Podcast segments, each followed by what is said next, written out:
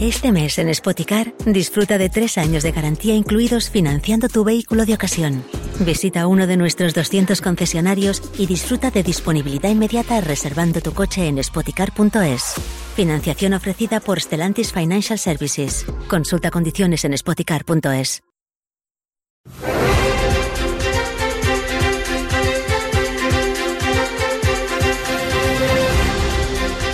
Passen 5 minuts de les 4 de la tarda. Míriam Díaz, bona tarda. Bona tarda. Toni Muñoz, bona tarda. Bona tarda. La justícia ha dictat sentència sobre Dani Alves, 4 anys i mig de presó, per violar una dona de 23 anys als banys de la discoteca Sutton, la nit del 30 al 31 de desembre de 2022. Aquesta és la condemna que el Tribunal de la secció 21ena de l'Audiència de Barcelona ha imposat a l'exfutbolista del Barça. Comentarem eh, aquesta notícia i, i l'analitzarem Començant amb el Toni Muñoz, i una de les qüestions derivades, Toni, és aquesta, aquesta sentència, no? aquests anys de, de, de condemna. Eh, és el debat. Per què una sentència de 4 anys i mig de presó, més, menys, per què aquests 4 i mig? Doncs mira, bàsicament perquè el tribunal li ha aplicat a Dani Alves una atenuant de reparació del dany. Considera que els 150.000 euros que va pagar Dani Alves durant la instrucció i que servien doncs, per, eh, per fixar una futura indemnització en cas de condemna, són un gest, diguéssim, de bona voluntat, no? És a dir, té una intenció reparadora del dany que ha causat. I consideren que aquesta quantitat és una mica superior al que normalment es paga, que per Dani Alves ja podem dir clarament que és eh, calderilla, doncs considera que això se li ha d'aplicar un atenuant, que no cal que sigui molt qualificat, perquè a vegades s'apliquen atenuants que encara fan rebaixar més la pena, però en aquest cas doncs li rebaixa aproximadament dels 6 anys fins als 4 i mig. I aquesta és l'explicació. És a dir, un cop tu apliques un atenuant, la pena has de triar entre... queda en una forquilla de 4 a 8 anys. I el tribunal doncs, ha decidit que li imposa 4 i mig. Aquesta és la, la decisió que, que ha pres, malgrat que és una sentència que jo resumiria amb dues coses. Una, dona veracitat absoluta al relat de la víctima, el que va passar al lavabo de la discoteca Sutton li dona absoluta veracitat, descriu uns fets molt greus, una agressivitat i una violència exercida per Dani Alves envers la víctima, que fa i motiva i justifica que l'acabin condemnant per agressió sexual. Però al mateix temps, el que potser crida una mica més l'atenció és que la pena no, és, no sembla tan alta d'acord amb la gravetat dels fets que es descriuen. Ara amb el Toni de seguida desgranarem aquesta sentència, però abans Volem parlar amb una persona que tenim moltes ganes d'escoltar. De, eh, és una autèntica eminència en la matèria. Es diu Lucía Avilés, magistrada del jutjat penal número 2 de Mataró, autora de la iniciativa legislativa per tipificar la violència econòmica com una modalitat reconeguda de violència de gènere i sòcia fundadora de l'Associació de Dones Jutgeses d'Espanya. Senyora Avilés, bona tarda. Buenas tardes, bona tarda. Gràcies per acompanyar-nos. Uh, li, li faig la mateixa pregunta perquè és la qüestió del dia, és l'eco del dia després de la sentència que fèiem ara amb el Toni Muñoz. Quatre anys mm -hmm. i mhm. sis mesos. Efectivament, aquest és el comentari eh, que molta gent es pregunta per què, no? I eh, el Toni ens explicava la raó i a vostè li pregunto l'opinió. Me tendría que haber preguntado la razón más que la opinión, pero... Si me la vol durar bueno, yo, eh? no hi ha problema. Eh, a ver, lo primero, yo creo que, que, es necesario destacar dos aspectos de la sentencia. Desde el punto de vista formal, eh, si os la habéis leído, seguramente eh, os habrá llamado la atención lo bien que se entiende. Mm. Todos estamos, eh, todos la hemos leído, eh, entendemos lo que dice y podemos opinar eh, sobre lo que dice, ¿no?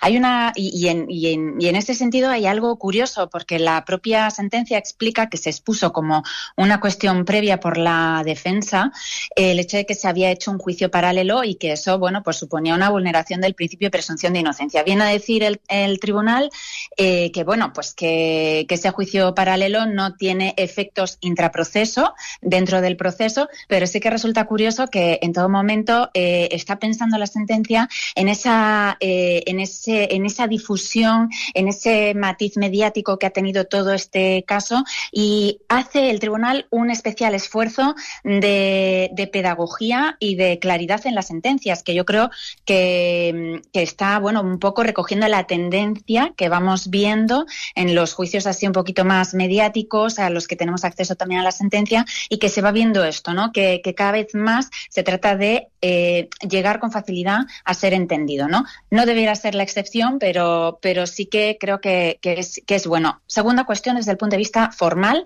y también un poquito material. Va desmontando estereotipos, eh, estrategias o pretendidas estrategias procesales que pretenden habitualmente introducirse en los procesos penales, especialmente cuando de género estamos hablando y, concretamente cuando eh, se trata de delitos contra la libertad sexual, es decir, el, comportamiento de la víctima antes, durante y después, el de si es em, eh, si existiendo consentimiento inicialmente ese consentimiento eh, marca ya em, el carácter consentido de toda la secuencia sexual. Bien, aquí el tribunal va a decir no, esto no es así.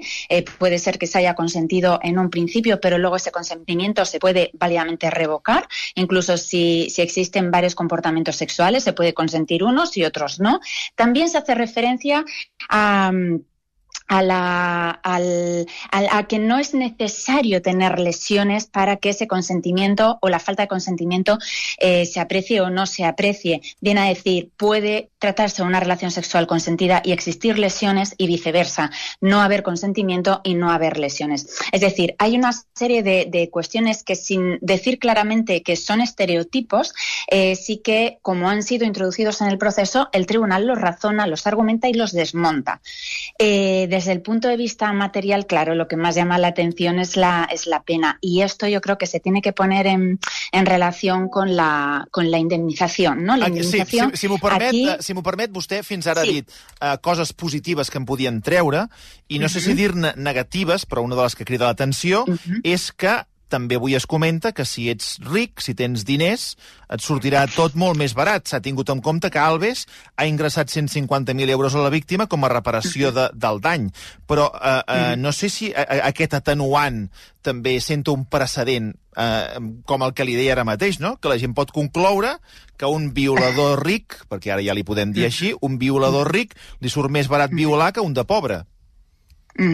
Bueno, esto es lo que llama la atención en la, en la sentencia. La indemnización, por un lado, bueno, pues se viene a valorar el perjuicio eh, irreparable en esta categoría delictiva el perjuicio irreparable que se le ha causado a la víctima y es, eh, y es irreparable porque es incuantificable. Viene a decir que nada puede eh, reparar, ni siquiera esta cantidad eh, económica, nada podría llegar a reparar el daño que se le causa a la víctima. Y habla de daño moral, eh, por las lesiones físicas, psicológicas, las secuelas. Eh, por cierto, no se habla del daño social, que hubiera sido necesario a lo mejor introducirlo o introducirlo en este procedimiento o en procedimientos de este tipo y que hace referencia a todo aquel daño que se le causa a la víctima como consecuencia de la, del, del hecho delictivo en su vida diaria. Ha estado o, o está de baja médica, tiene una afectación social, laboral, y esto no se ha valorado, no se ha cuantificado. Pero bueno, dejando esto a un lado, eh, también, por otro lado, la indemnización eh, sirve para apreciar esta atenuante. El, eh, a ver, los juristas estamos vinculados al principio de legalidad. Las atenuantes son las que se contemplan en el Código Penal. Sí, però no, no li este xoca, en aquest cas, no li xoca que, que posant diners damunt de la taula eh, la pena, claro, la pena el Código Penal, es, es, que hay, una, hay un mal entendimiento de esta atenuante de reparación del daño o, por, o quizá por, por la inercia procesal se tiende a equiparar al poner el dinero a disposición. Claro, lógico. Normalmente, eh, para la aplicación de esta atenuante, bueno, el Código Penal lo que nos dice es que se aplicará cuando se haya reparado el daño antes, de la, antes del juicio oral. Eh, se tiende a equiparar la reparación del daño con la reparación económica. No todo lo repara el dinero. Y eso es lo que nos dice el tribunal a la hora de cuantificar la indemnización, que le parece válida. Además, no existe oposición ni por la acusación particular ni por la defensa.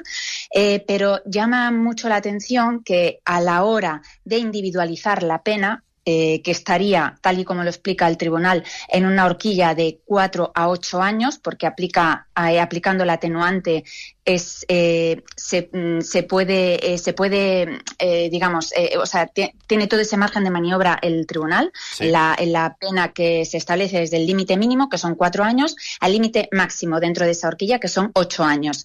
Pues aquí lo que llama la atención es que aunque antes ha dicho que es un daño irreparable, que eso es un caso grave, que la víctima se encuentra en una situación eh, que nunca podrá llegar a ser reparada, en este caso se vuelve a valorar la reparación del daño, la puesta a disposición del dinero eh, y se le da más peso que a la afectación que pueda eh, tener el hecho delictivo en la vida de la víctima. Es decir, la gravedad del hecho queda aquí ya en un segundo plano y se le da más relevancia a la reparación del daño. Y esto es lo llamativo. Las penas tienen que ser proporcionales, proporcionales al hecho cometido. A la hora de individualizar la pena se tiene que em, poner sobre la mesa todos los motivos, valorarlos, eh, como hace el tribunal en este caso, pero llama mucho la atención que se vuelva a valorar, es decir, se hace una doble valoración de esa, de esa puesta a disposición del dinero, ¿no? Y parece como que pasa un poquito más de puntillas eh, por, eh, eh, digamos, por, por, la afectación que el hecho tiene en la vida diaria de la víctima. A veure, Toni. Sí, no, el... avui parlant amb diversos juristes, tots ens deien que existeix o s'ha creat una mena de paradoxa en aquest cas, perquè s'ha aplicat la llei del CSI i, per una banda, diu s'avança en la matèria de conceptualització del consentiment, no? com ara explicava la Lucía, que s'avança en això, és a dir, que tu no consenteixes les diferents varietats sexuals per haver consentit una, o per haver consentit la primera no pots o no s'ha d'entendre que consenteixes les de més, però al mateix temps aquesta llei ha permès que se li apliqui una pena més baixa a Dani Alves que amb l'anterior legislació potser hagués estat més alta. Aleshores, Lucía, jo no sé si també comparteixes aquesta diagnosi de que la llei del CSC ha beneficiat o no a, a Dani Alves en aquest sentit, no? És a dir, per una banda sí que es descriu el consentiment, però al mm. final se li ha aplicat una pena més baixa. Pero en este caso no es por la aplicación de la, de la ley. Es verdad que la ley del solo el CSI establece un mínimo, más mínimo, digamos, que la legislación anterior, pero por la razón de que en la nueva ley se refunden en una las dos categorías que había antes, la de abuso y agresión sexual. Em, eh, con independencia de los límites mínimos que establezca la anterior ley o esta, de igual manera, la gravedad del hecho se tiene que adecuar a la pena que se va a imponer. Y el principio de proporcionalidad seguía vigente tanto en la ley anterior mm. como en esta ley. Sí, pero al final, es decir, aquí en el, en el, en el apartado decimosegundo pone individualización de la pena, ¿no? Y digo, la reforma del Código Penal operada por la ley eh, 10 barra 2022 es más favorable al acusado al establecer un marco punitivo más amplio però un límit inferior més bajo. És a dir, traduït, que les penes són més altes, però també les penes més baixes són més baixes perquè s'han unificat, com deia la Lucía, la, la pena d'abús abús sexual sí. i agressió sexual. No? Eh, uh -huh. M'agradaria parlar-li també d'una qüestió que ha desaparegut una miqueta del mapa, que és la qüestió de la mare la mare de, de Dani Alves. Mm. Un dia, de cop i volta, ens vam llevar amb un vídeo on aquesta senyora, a les seves xarxes socials, va penjar el dia a dia, podíem dir, pràcticament de la víctima. Mm, no, no explicarem el contingut del vídeo, però era molt impactant. El que venia a demostrar la mare és que no hi havia, aparentment, no, afectació, tot el que deia la víctima, doncs eh, se la veia doncs, amb una actitud aparentment, evidentment, aparentment eh, normal. A, a, aquests, aquest judici mediàtic, aquest tipus de, de documents que han anat envoltant tot aquest cas, quin, quina afectació han tingut, eh, Lucía? Bueno, esto se refleja en la sentencia, aunque me parece que no se hace mm, expresa mención de, este vídeo, de esta actuación concreta, pero sí que se hace referencia a un concepto básico, claro, la victimización secundaria. Cuando está analizando la credibilidad del relato de la víctima, viene a decir, la víctima no, no ganaba nada denunciando eh, denunció porque lo que le pasó es real, ¿no? Eh, eh, era real y, y, así es como, bueno, pues de momento es lo que, lo que dice el tribunal.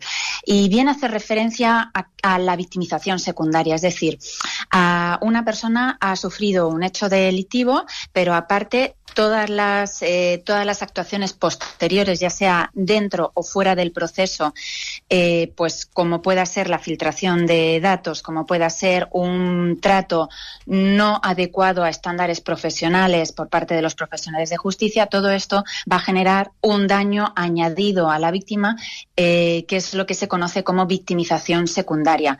Eh, cuando parte del agente es públicos o privados mm, que integramos la cadena de justicia, eh, el origen es la institu institucionalización de la violencia, la violencia institucional. Toni. Sí, Lucía, yo tengo una, una duda también, después de leer la, la sentencia, i és que sembla que no l'ha penalitzat gaire a Dani Alves a fet, el fet d'arribar a judici amb cinc versions diferents. De fet, la sentència Ben diu vist. que com que ell era un investigat, podia mentir i que estava en el seu dret, no? Ujú. Ho hem entès bé? Bueno, sí, sí, sí, sí, sí, muy bien. Eh, eh, estas son las reglas del juego. Digamos, en el ámbito del proceso, eh, eh, Sí, jo puc canviar de versió... cinc- la cinc- persona... Cinc, ¿El qué, disculpi, dic, disculpi, dic, jo puc canviar de versió cinc vegades i això en el judici a mi no em penalitza. Ujú. Eh, el- en el proceso penal, el victimario, bueno, pues el investigado, el acusado, eh, según la fase del proceso en la que nos encontremos, eh, está amparado por el principio de presunción de inocencia. Eh, puede permanecer en silencio, no declarar, puede declarar y puede mentir y puede cambiar de versión. Esto eh, es una consecuencia de, del, del- del, digamos, de, del, mm, de las garantías del proceso. Eh, en el caso de la víctima, la víctima está sujeta a juramento promesa de decir la verdad. Tiene que decir la verdad. Luego, en el ámbito de la fase del juicio oral, en el plenario, ya cuando eh, se despliega toda la prueba, eh, tendrá que ser con independencia, digamos, de las versiones que eh, la persona acusada haya dado con anterioridad. eh, dará una versión en el juicio. En este caso, me parece que solamente contestó a las preguntas de Sí. la defensa y, en todo caso, la, digamos, la, la, eh, la estrategia de descargo. Eh, pues tiene que estar apoyada en pruebas de descargo y, y es en el proceso, en el perdón, en el juicio, en donde se tiene que, bueno, pues, pues mm, desplegar todo este elenco probatorio y luego valorar. Quiero decir que no eh, llama mucho la atención eh, el, el que, bueno, pues la persona investigada resulta que puede cambiar mucho las, mm, Sí. puede cambiar las versiones, eh, pero es que es- forman parte de, de las reglas del juego, ¿no? Luego eh, otra cuestión es, És que si dona la efectivamente sensació que, clar, la- la- la- l'acusat va buscant la manera no, de, de que la seva versió li encaixi millor i arribar al judici amb la seva millor versió. I, I sembla que en un judici algú hauria de dir no, escolti'm, a veure, vostè ha canviat tantes vegades de versió que és evident que vostè o no sap què va passar o fa veure que no ho sap o està buscant la millor manera de sortir-se'n. Això és la, claro, la, pero la con sensació que- independencia que de, des con de independencia de la versión que, que- que mantenga en el juicio, lo importante es eh, con qué mantiene esa versión. Es decir, igual que eh, la víctima, pues, eh, como explica el tribunal, eh, tiene su versión y existen elementos que corroboran la versión de la víctima, en el caso del, del acusado, él defendía eh, pues que había sido una relación sexual consentida. No lo ha logrado acreditar, con independencia de la versión que haya, eh, que haya, mm, por la que haya optado, no lo ha logrado acreditar. Ha convencido al tribunal, pues por cómo se razona en la sentencia, lo que cuenta la víctima, ¿no? En- especialmente porque una de las eh, cosas curiosas de la sentencia es que despieza la secuencia. Eh, el ho antes explicarem, del sí. Eso. Sí, sí. Digues, digues, Míriam. No, jo li volia preguntar eh, que en canvi no s'ha tingut en compte eh, l'atenuant de l'embriaguesa. Aquest és un tema molt interessant. de l'embriaguesa, no? Després que l'estratègia de la defensa d'Alves va anar tot el judici una mica eh, per aquest camí, no? Que el futbolista anava molt begut i que no sabia el que... el És que es curiós feia. perquè en el cas de violació la- l'atenuant eh, d'embriaguesa existeix, però, per exemple, quan tu tens un accident de trànsit és tot el contrari, és un agreujant. No sé si ens ho pot explicar, això. Bueno, las atenuantes y las agravantes se tienen que acreditar, igual que cualquier otro elemento de tipicidad. eh, para aplicar un atenuante, como es en este caso la de embriaguez, se tiene que acreditar. Aquí la prueba que presentó la defensa de Dani Alves, por lo que explica la sentencia, no ha sido suficiente. Eh, ¿Por qué? Pues porque hay una testigo que modificó su versión varias veces. Una dijo que era que iba muy borracho, que llegó muy borracho a casa, otra que iba un poco contento. O sea, la, la propia versión del testigo ya no es persistente. Luego, aparte, hay unas cámaras de seguridad que contradicen en lo que eh, él afirmaba, que iba muy borracho, y sin embargo, en las cámaras de seguridad, por lo que explica la sentencia, no, no, no, no, se ve muy coherente con este relato. Y, y luego eh, también se basa en unas pruebas periciales, es decir, no, no se le niega la atenuante de embriaguez de una manera eh, no razonada, al contrario, la sentencia mm, explica eh, si se, o sea, explica el por qué no se le puede reconocer esta, esta atenuante, ¿no? Yo creo que está bastante bien, de una manera clara, eh, expuesta la, la razón de la, del rechazo de, de su aplicación, ¿no? Senyora Vilés, havíem quedat... Eh, podíem parlar amb vostè Perdón, fins... a- un, eh, un momento, Sí. en relación a esto último, es que es muy importante porque viene a decir que no eh, pa- para generar una situación así de violencia, de, violen- de, sí, de violencia hacia la víctima, eh, eso tampoco acredita que tuviera eh, mermadas sus capacidades psicofísicas, que es precisamente el núcleo de la atenuante de embriaguez. ¿eh? Solamente este apunte. Molt bé, doncs queda fet. Eh, senyora Vilés, moltíssimes gràcies per atendre'ns. Pues gracias a vosotros. Fins una altra. Buena tarda. Adéu-siau. Eh, havíem pactat aquesta conversa eh, perquè la senyora Vilés ens havia de, de deixar. Eh, hem començat una miqueta la casa per la teulada per aclarir algunes de les qüestions que no ens havien quedat clares o que ens generaven algun dubte d'aquesta sentència i el que farem ara amb el Toni Muñoz és una passa enrere. És a dir, anem a desgranar el que diu aquesta sentència i explicar com s'ha arribat en aquesta condemna. Uh -huh. El Toni s'ha llegit aquestes 61 pàgines eh, i m'agradaria que m'expliquessis, finalment, després de tot el que s'ha especulat, dit, publicat, què va passar a la discoteca Sutton. Doncs, segons aquesta sentència, el que va passar és que va haver-hi una agressió sexual als lavabos del reservat privat que havia llogat Dani Alves. Això és el que considera acreditat el, el Tribunal de l'Audiència de Barcelona.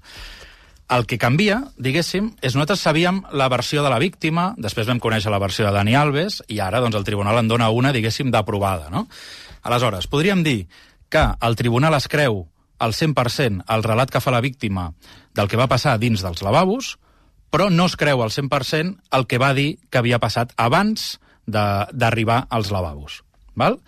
Aleshores, eh, sobre el tema dels lavabos, el que diu és que la noia va entrar voluntàriament per mantenir uns contactes íntims amb Dani Alves, i a partir d'aquí el que va passar és que ella va arribar un moment que va dir que no en aquestes relacions sexuals i Dani Alves no va parar.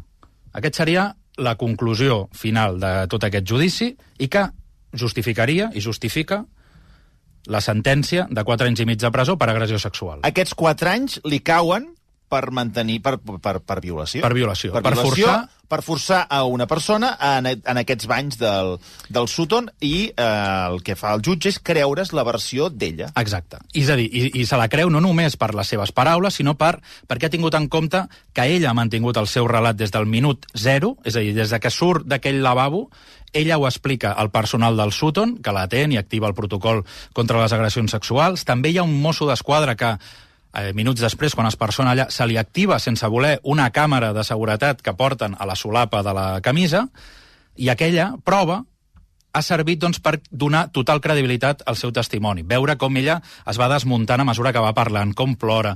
Tot això ha- li ha donat un plus de credibilitat que no, perquè molta gent pot dir no, només és la seva paraula. No, és la seva paraula conjuntament amb una altra sèrie de factors que fan que se li dongui plena credibilitat. Què, què, què mm, no es creu o de què dubta el jutge? Bueno, de fet, diu que eh, les imatges de les càmeres de seguretat no s'ajusten al relat de, que va fer la víctima. I, de fet, ell, o el, el tribunal ho justifica dient que pot ser que la noia obviés aquesta informació doncs, perquè sentia una mena de vergonya potser per haver-se posat en una situació de risc, o per les raons que sigui. Això és una versió que dona.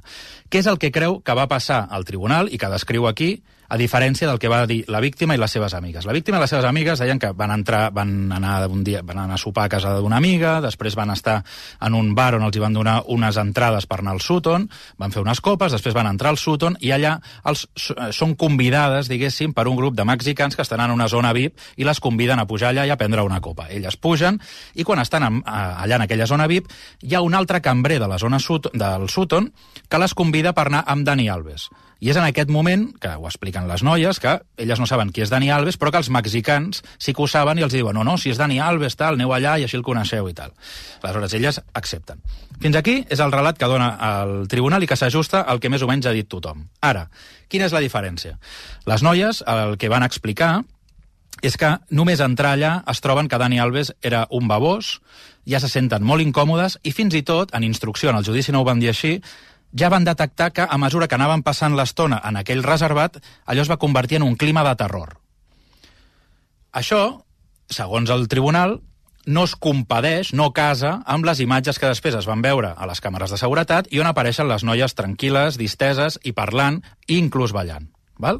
I jo crec que aquí és l'element més important, o un dels elements més importants d'aquesta sentència, que també desca, eh, des, mm, destacava la, la, la Lucía Vilés, i és que, segons el tribunal, les, va haver-hi una mena de flirteig, una mena d'aproximació entre Alves i la noia, que eh, van quedar per trobar-se, per mantenir relacions íntimes en el, en el lavabo, i per això primer entra un i després entra un altre, això ho descriu a la sentència, però que això no et dona carta blanca per seguir amb la resta de relacions sexuals.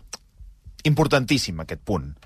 Importantíssim, perquè, a més a més, hi ha molta gent que això no ho ha entès. Eh, és un relat que fa referència a les insinuacions de la víctima i de les seves amigues. I aquí hi ha un problema que tenim com a societat, que és que hi ha gent que creu que una insinuació pot comportar una violació. Clar. I una insinuació, fins on tenim entès, és una insinuació. Mm, és això, o sigui, és, és el que és. Eh, uns se'ls hi posarà millor, als altres se'ls hi posarà pitjor, però una insinuació és una insinuació i no ha de portar a res més. I si porta alguna cosa més, hi ha d'haver-hi un consentiment posterior.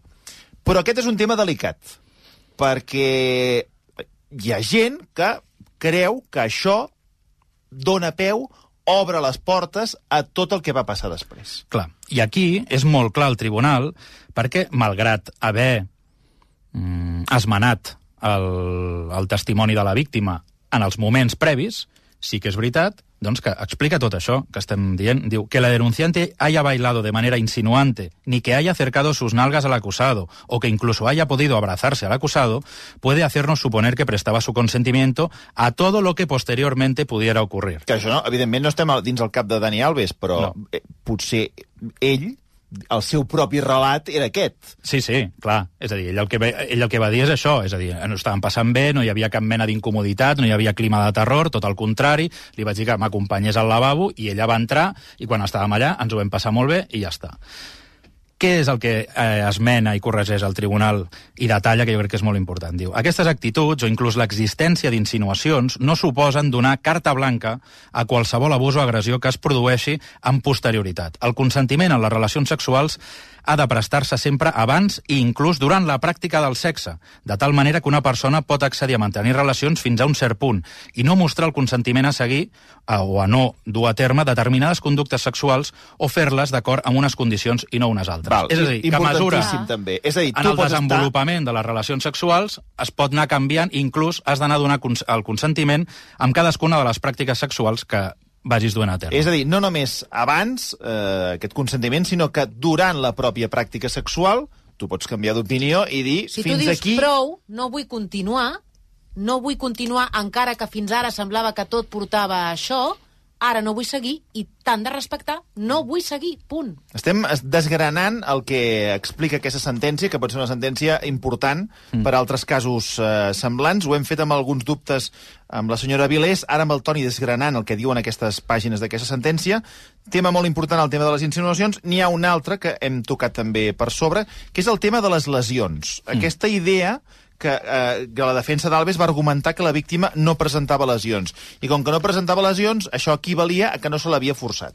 Clar, és a dir, aquí el que intentava la defensa de Dani Alves és demostrar que no hi havia proves i que al final el cas acabava reduït a la teva paraula contra la meva, no? I aleshores Dani Alves el que va fer va ser contractar, com fan tots els acusats, eh, una, uns forenses, uns especialistes pagats de la seva butxaca perquè contraposessin el relat oficial dels metges del, de l'Hospital Clínic, en aquest cas. No?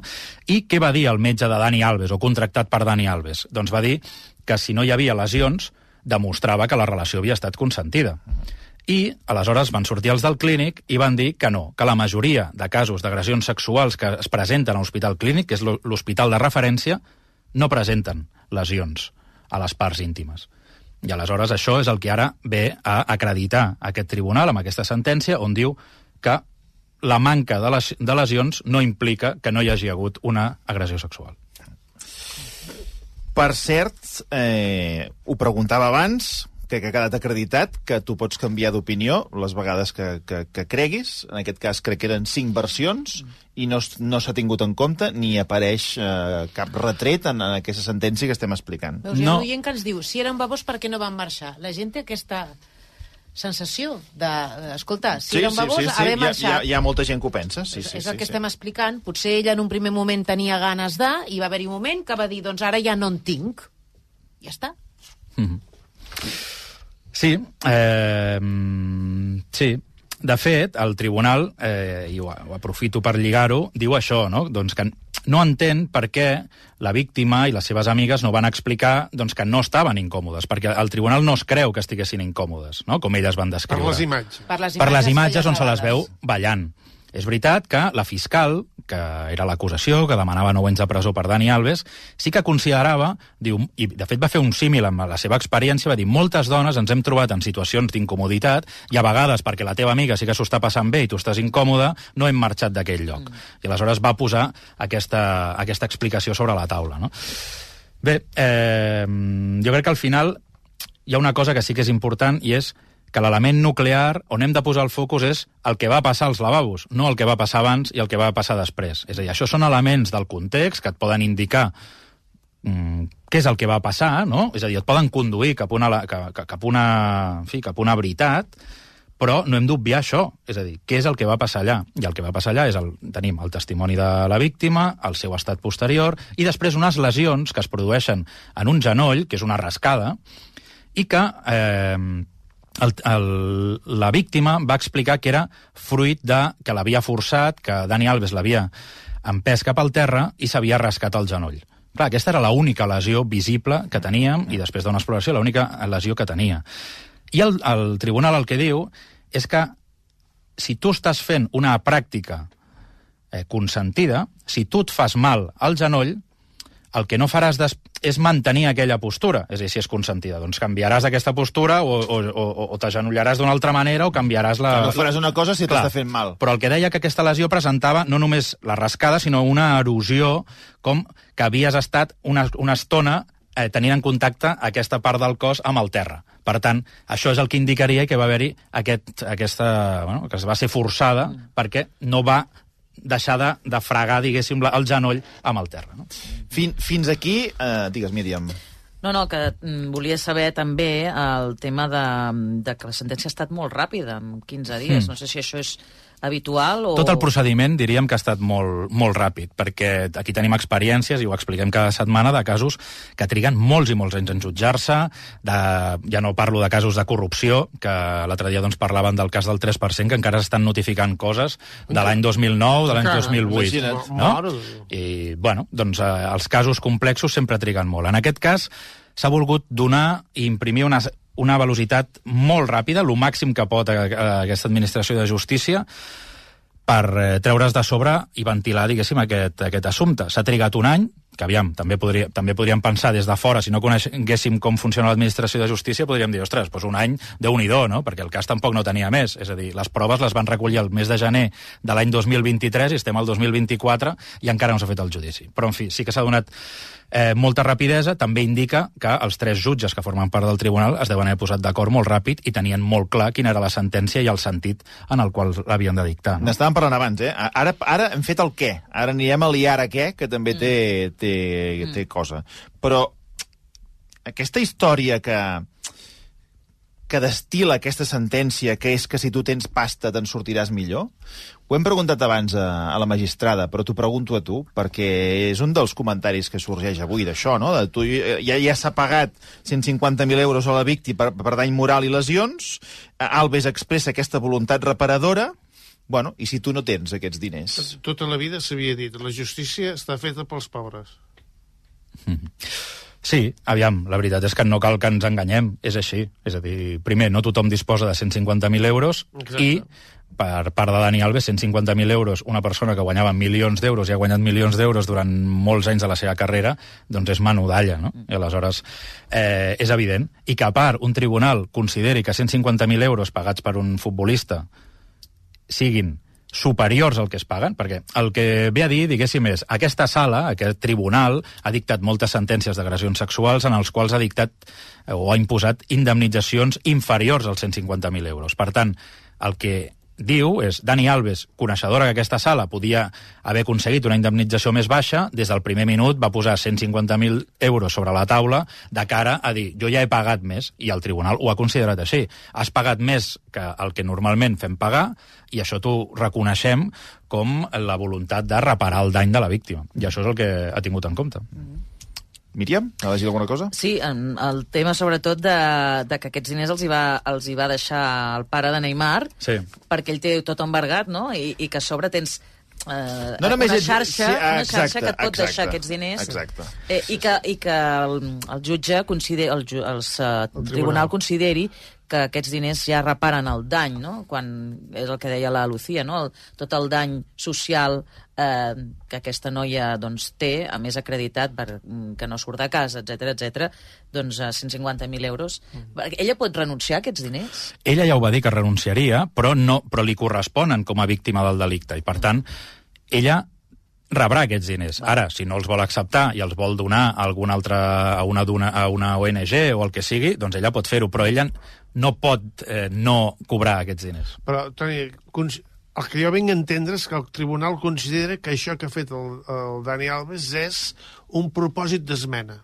Sí. És a dir, allò de dir... Efectivament, reparació de danys. Jo i Sí, sí. sóc conscient que he fet mal Efectivament. i el que vull és reparar el mal per que he tant, fet. accepta Sí. que ha fet mal. Accepta Sí, que, acceptava d'alguna que era... d'alguna manera accepta que ha fet mal. Sí, però això penseu que ara potser Eh, algú, eh, ho algun, dic, algun eh? advocat em corregirà, però jo crec que no m'equivoco quan dic que aquests diners els posen sobre la taula dient la meva voluntat, perquè veieu, la meva voluntat és de reparar el dany en cas que em condemnin. Si a mi no em condemnen, aquests diners me'ls tornen. Ah. Vull dir que no els... Clar, perquè ell, ell mai ha confessat i ha reconegut eh, haver violat. No, Sí, sí, sí, el que exacte. sí que és veritat que ell va fer una altra cosa que també l'ha valorat al tribunal, que és jo poso a disposició aquests diners i aquests diners els cobraràs tant si sóc declarat culpable com si no. I aleshores també consideren que és un gest, diguéssim, de bona voluntat envers la víctima. Però ell passar? sap si és culpable o no. Però, home, ell, esclar, ell no ho sí, sap. sí, clar, és- Sí, ell per- ho sap i ell Bueno, ha- per tant, perquè, collons, si ell pensa que no és culpable, per què dona els diners? Bueno, però, per reparar què? Bueno, Si per no reparar res. el mal que ha fet. És a dir, tu... Quin un- mal? Si diu que no, ell creu que no ha fet cap mal. Això és una altra No cosa. té cap sentit, però això. això és una altra cosa. També s'ha dir que moltes d'alguna vegades- Manera, tu no ho saps si has fet mal a vegades amb alguna persona, independentment del que pensi ell. Però tu pots, pots dir, bueno, potser he fet mal i, i, i ho vull arreglar. Bueno, també, és Això una, és un també és una manera d'afrontar el, el judici, La evidentment. defensa d'Alves vol presentar recurs. Amb això què pot passar? Bé, eh, jo us explico la, la, la informació que, que, que, que m'ha arribat, i és que, primer de tot, doncs, l'entorn de Dani Alves està molt satisfet amb, amb el resultat de la sentència. Penseu que s'havia parlat, i de fet les penes a les quals s'enfrontava era de 9 a 12 anys de presó. Sí, sí. Clar, estem parlant que si li demanaven 12 i finalment ha acabat amb 4 i mig, és pràcticament una tercera part del que li demanaven, no? Per Això tant... tampoc no s'entén gaire, eh? però bueno, és igual. Bueno, sí, això és el que ha explicat la, la Lucía i que també m'ha explicat. ja- Vull dir, al sí, final... Sí, sí, que ho ha explicat molt bé, però dius... Eh, és que, atenció arguments- al titular de La Vanguardia, eh?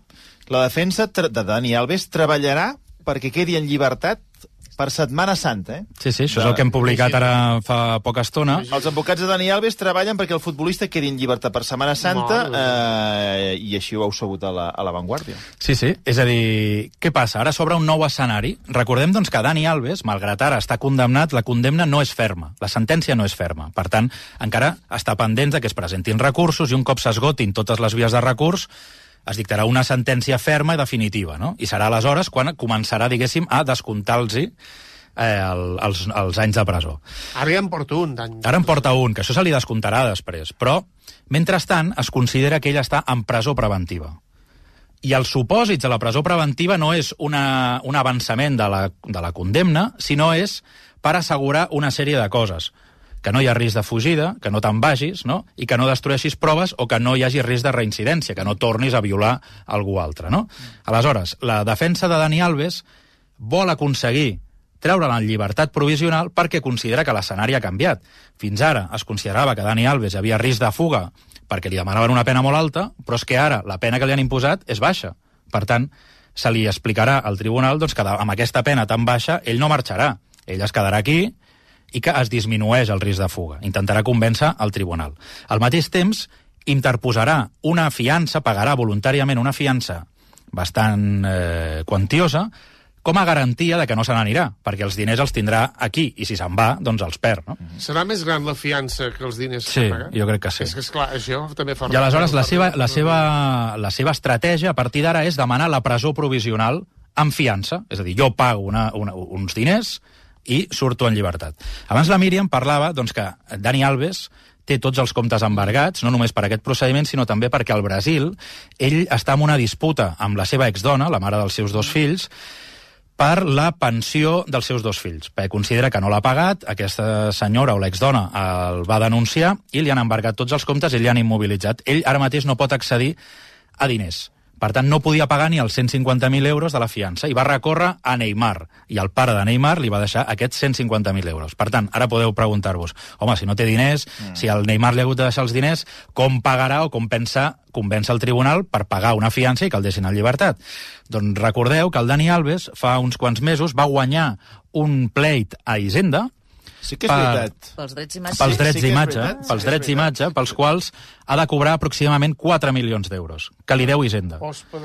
I aleshores està esperant i està apretant a Hisenda perquè li paguin aquests diners i pugui abonar o posar aquests diners sobre la taula de la justícia per dir, escolti, deixi'm en llibertat, que jo he deixat aquí molts diners. Eh, clar, fins que no li arribin aquests diners, doncs no, no podrà fer-ho. Però bàsicament aquest és l'estratègia de- que, que vol, per la qual vol apostar en, les pròxim, en els pròxims dies. Un no? últim serrell seria que el tribunal també ha imposat a Alves 5 anys de llibertat vigilada un cop surti del centre penitenciari. Què vol dir llibertat vigilada? Doncs que la policia et manté sota vigilància, diríem, sota control, que de tant en tant doncs, poden...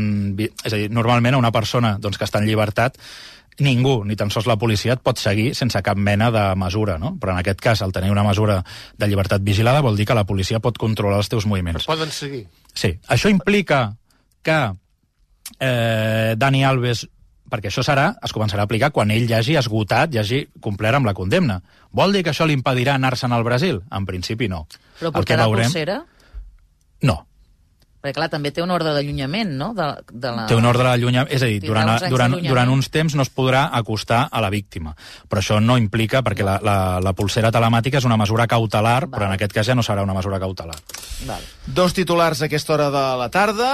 La justícia que sentencia Dani Alves a 4 anys i mig de presó per violar una dona de 23 anys i que la defensa treballarà perquè Dani Alves surti en llibertat a la Setmana Santa. Toni Muñoz, moltíssimes gràcies A vosaltres. per l'esforç d'explicar-nos i descodificar-nos aquesta sentència que hem conegut fa poques hores i que, segons també hem pogut sentir aquesta tarda, serà referent en altres casos. Ara tornem.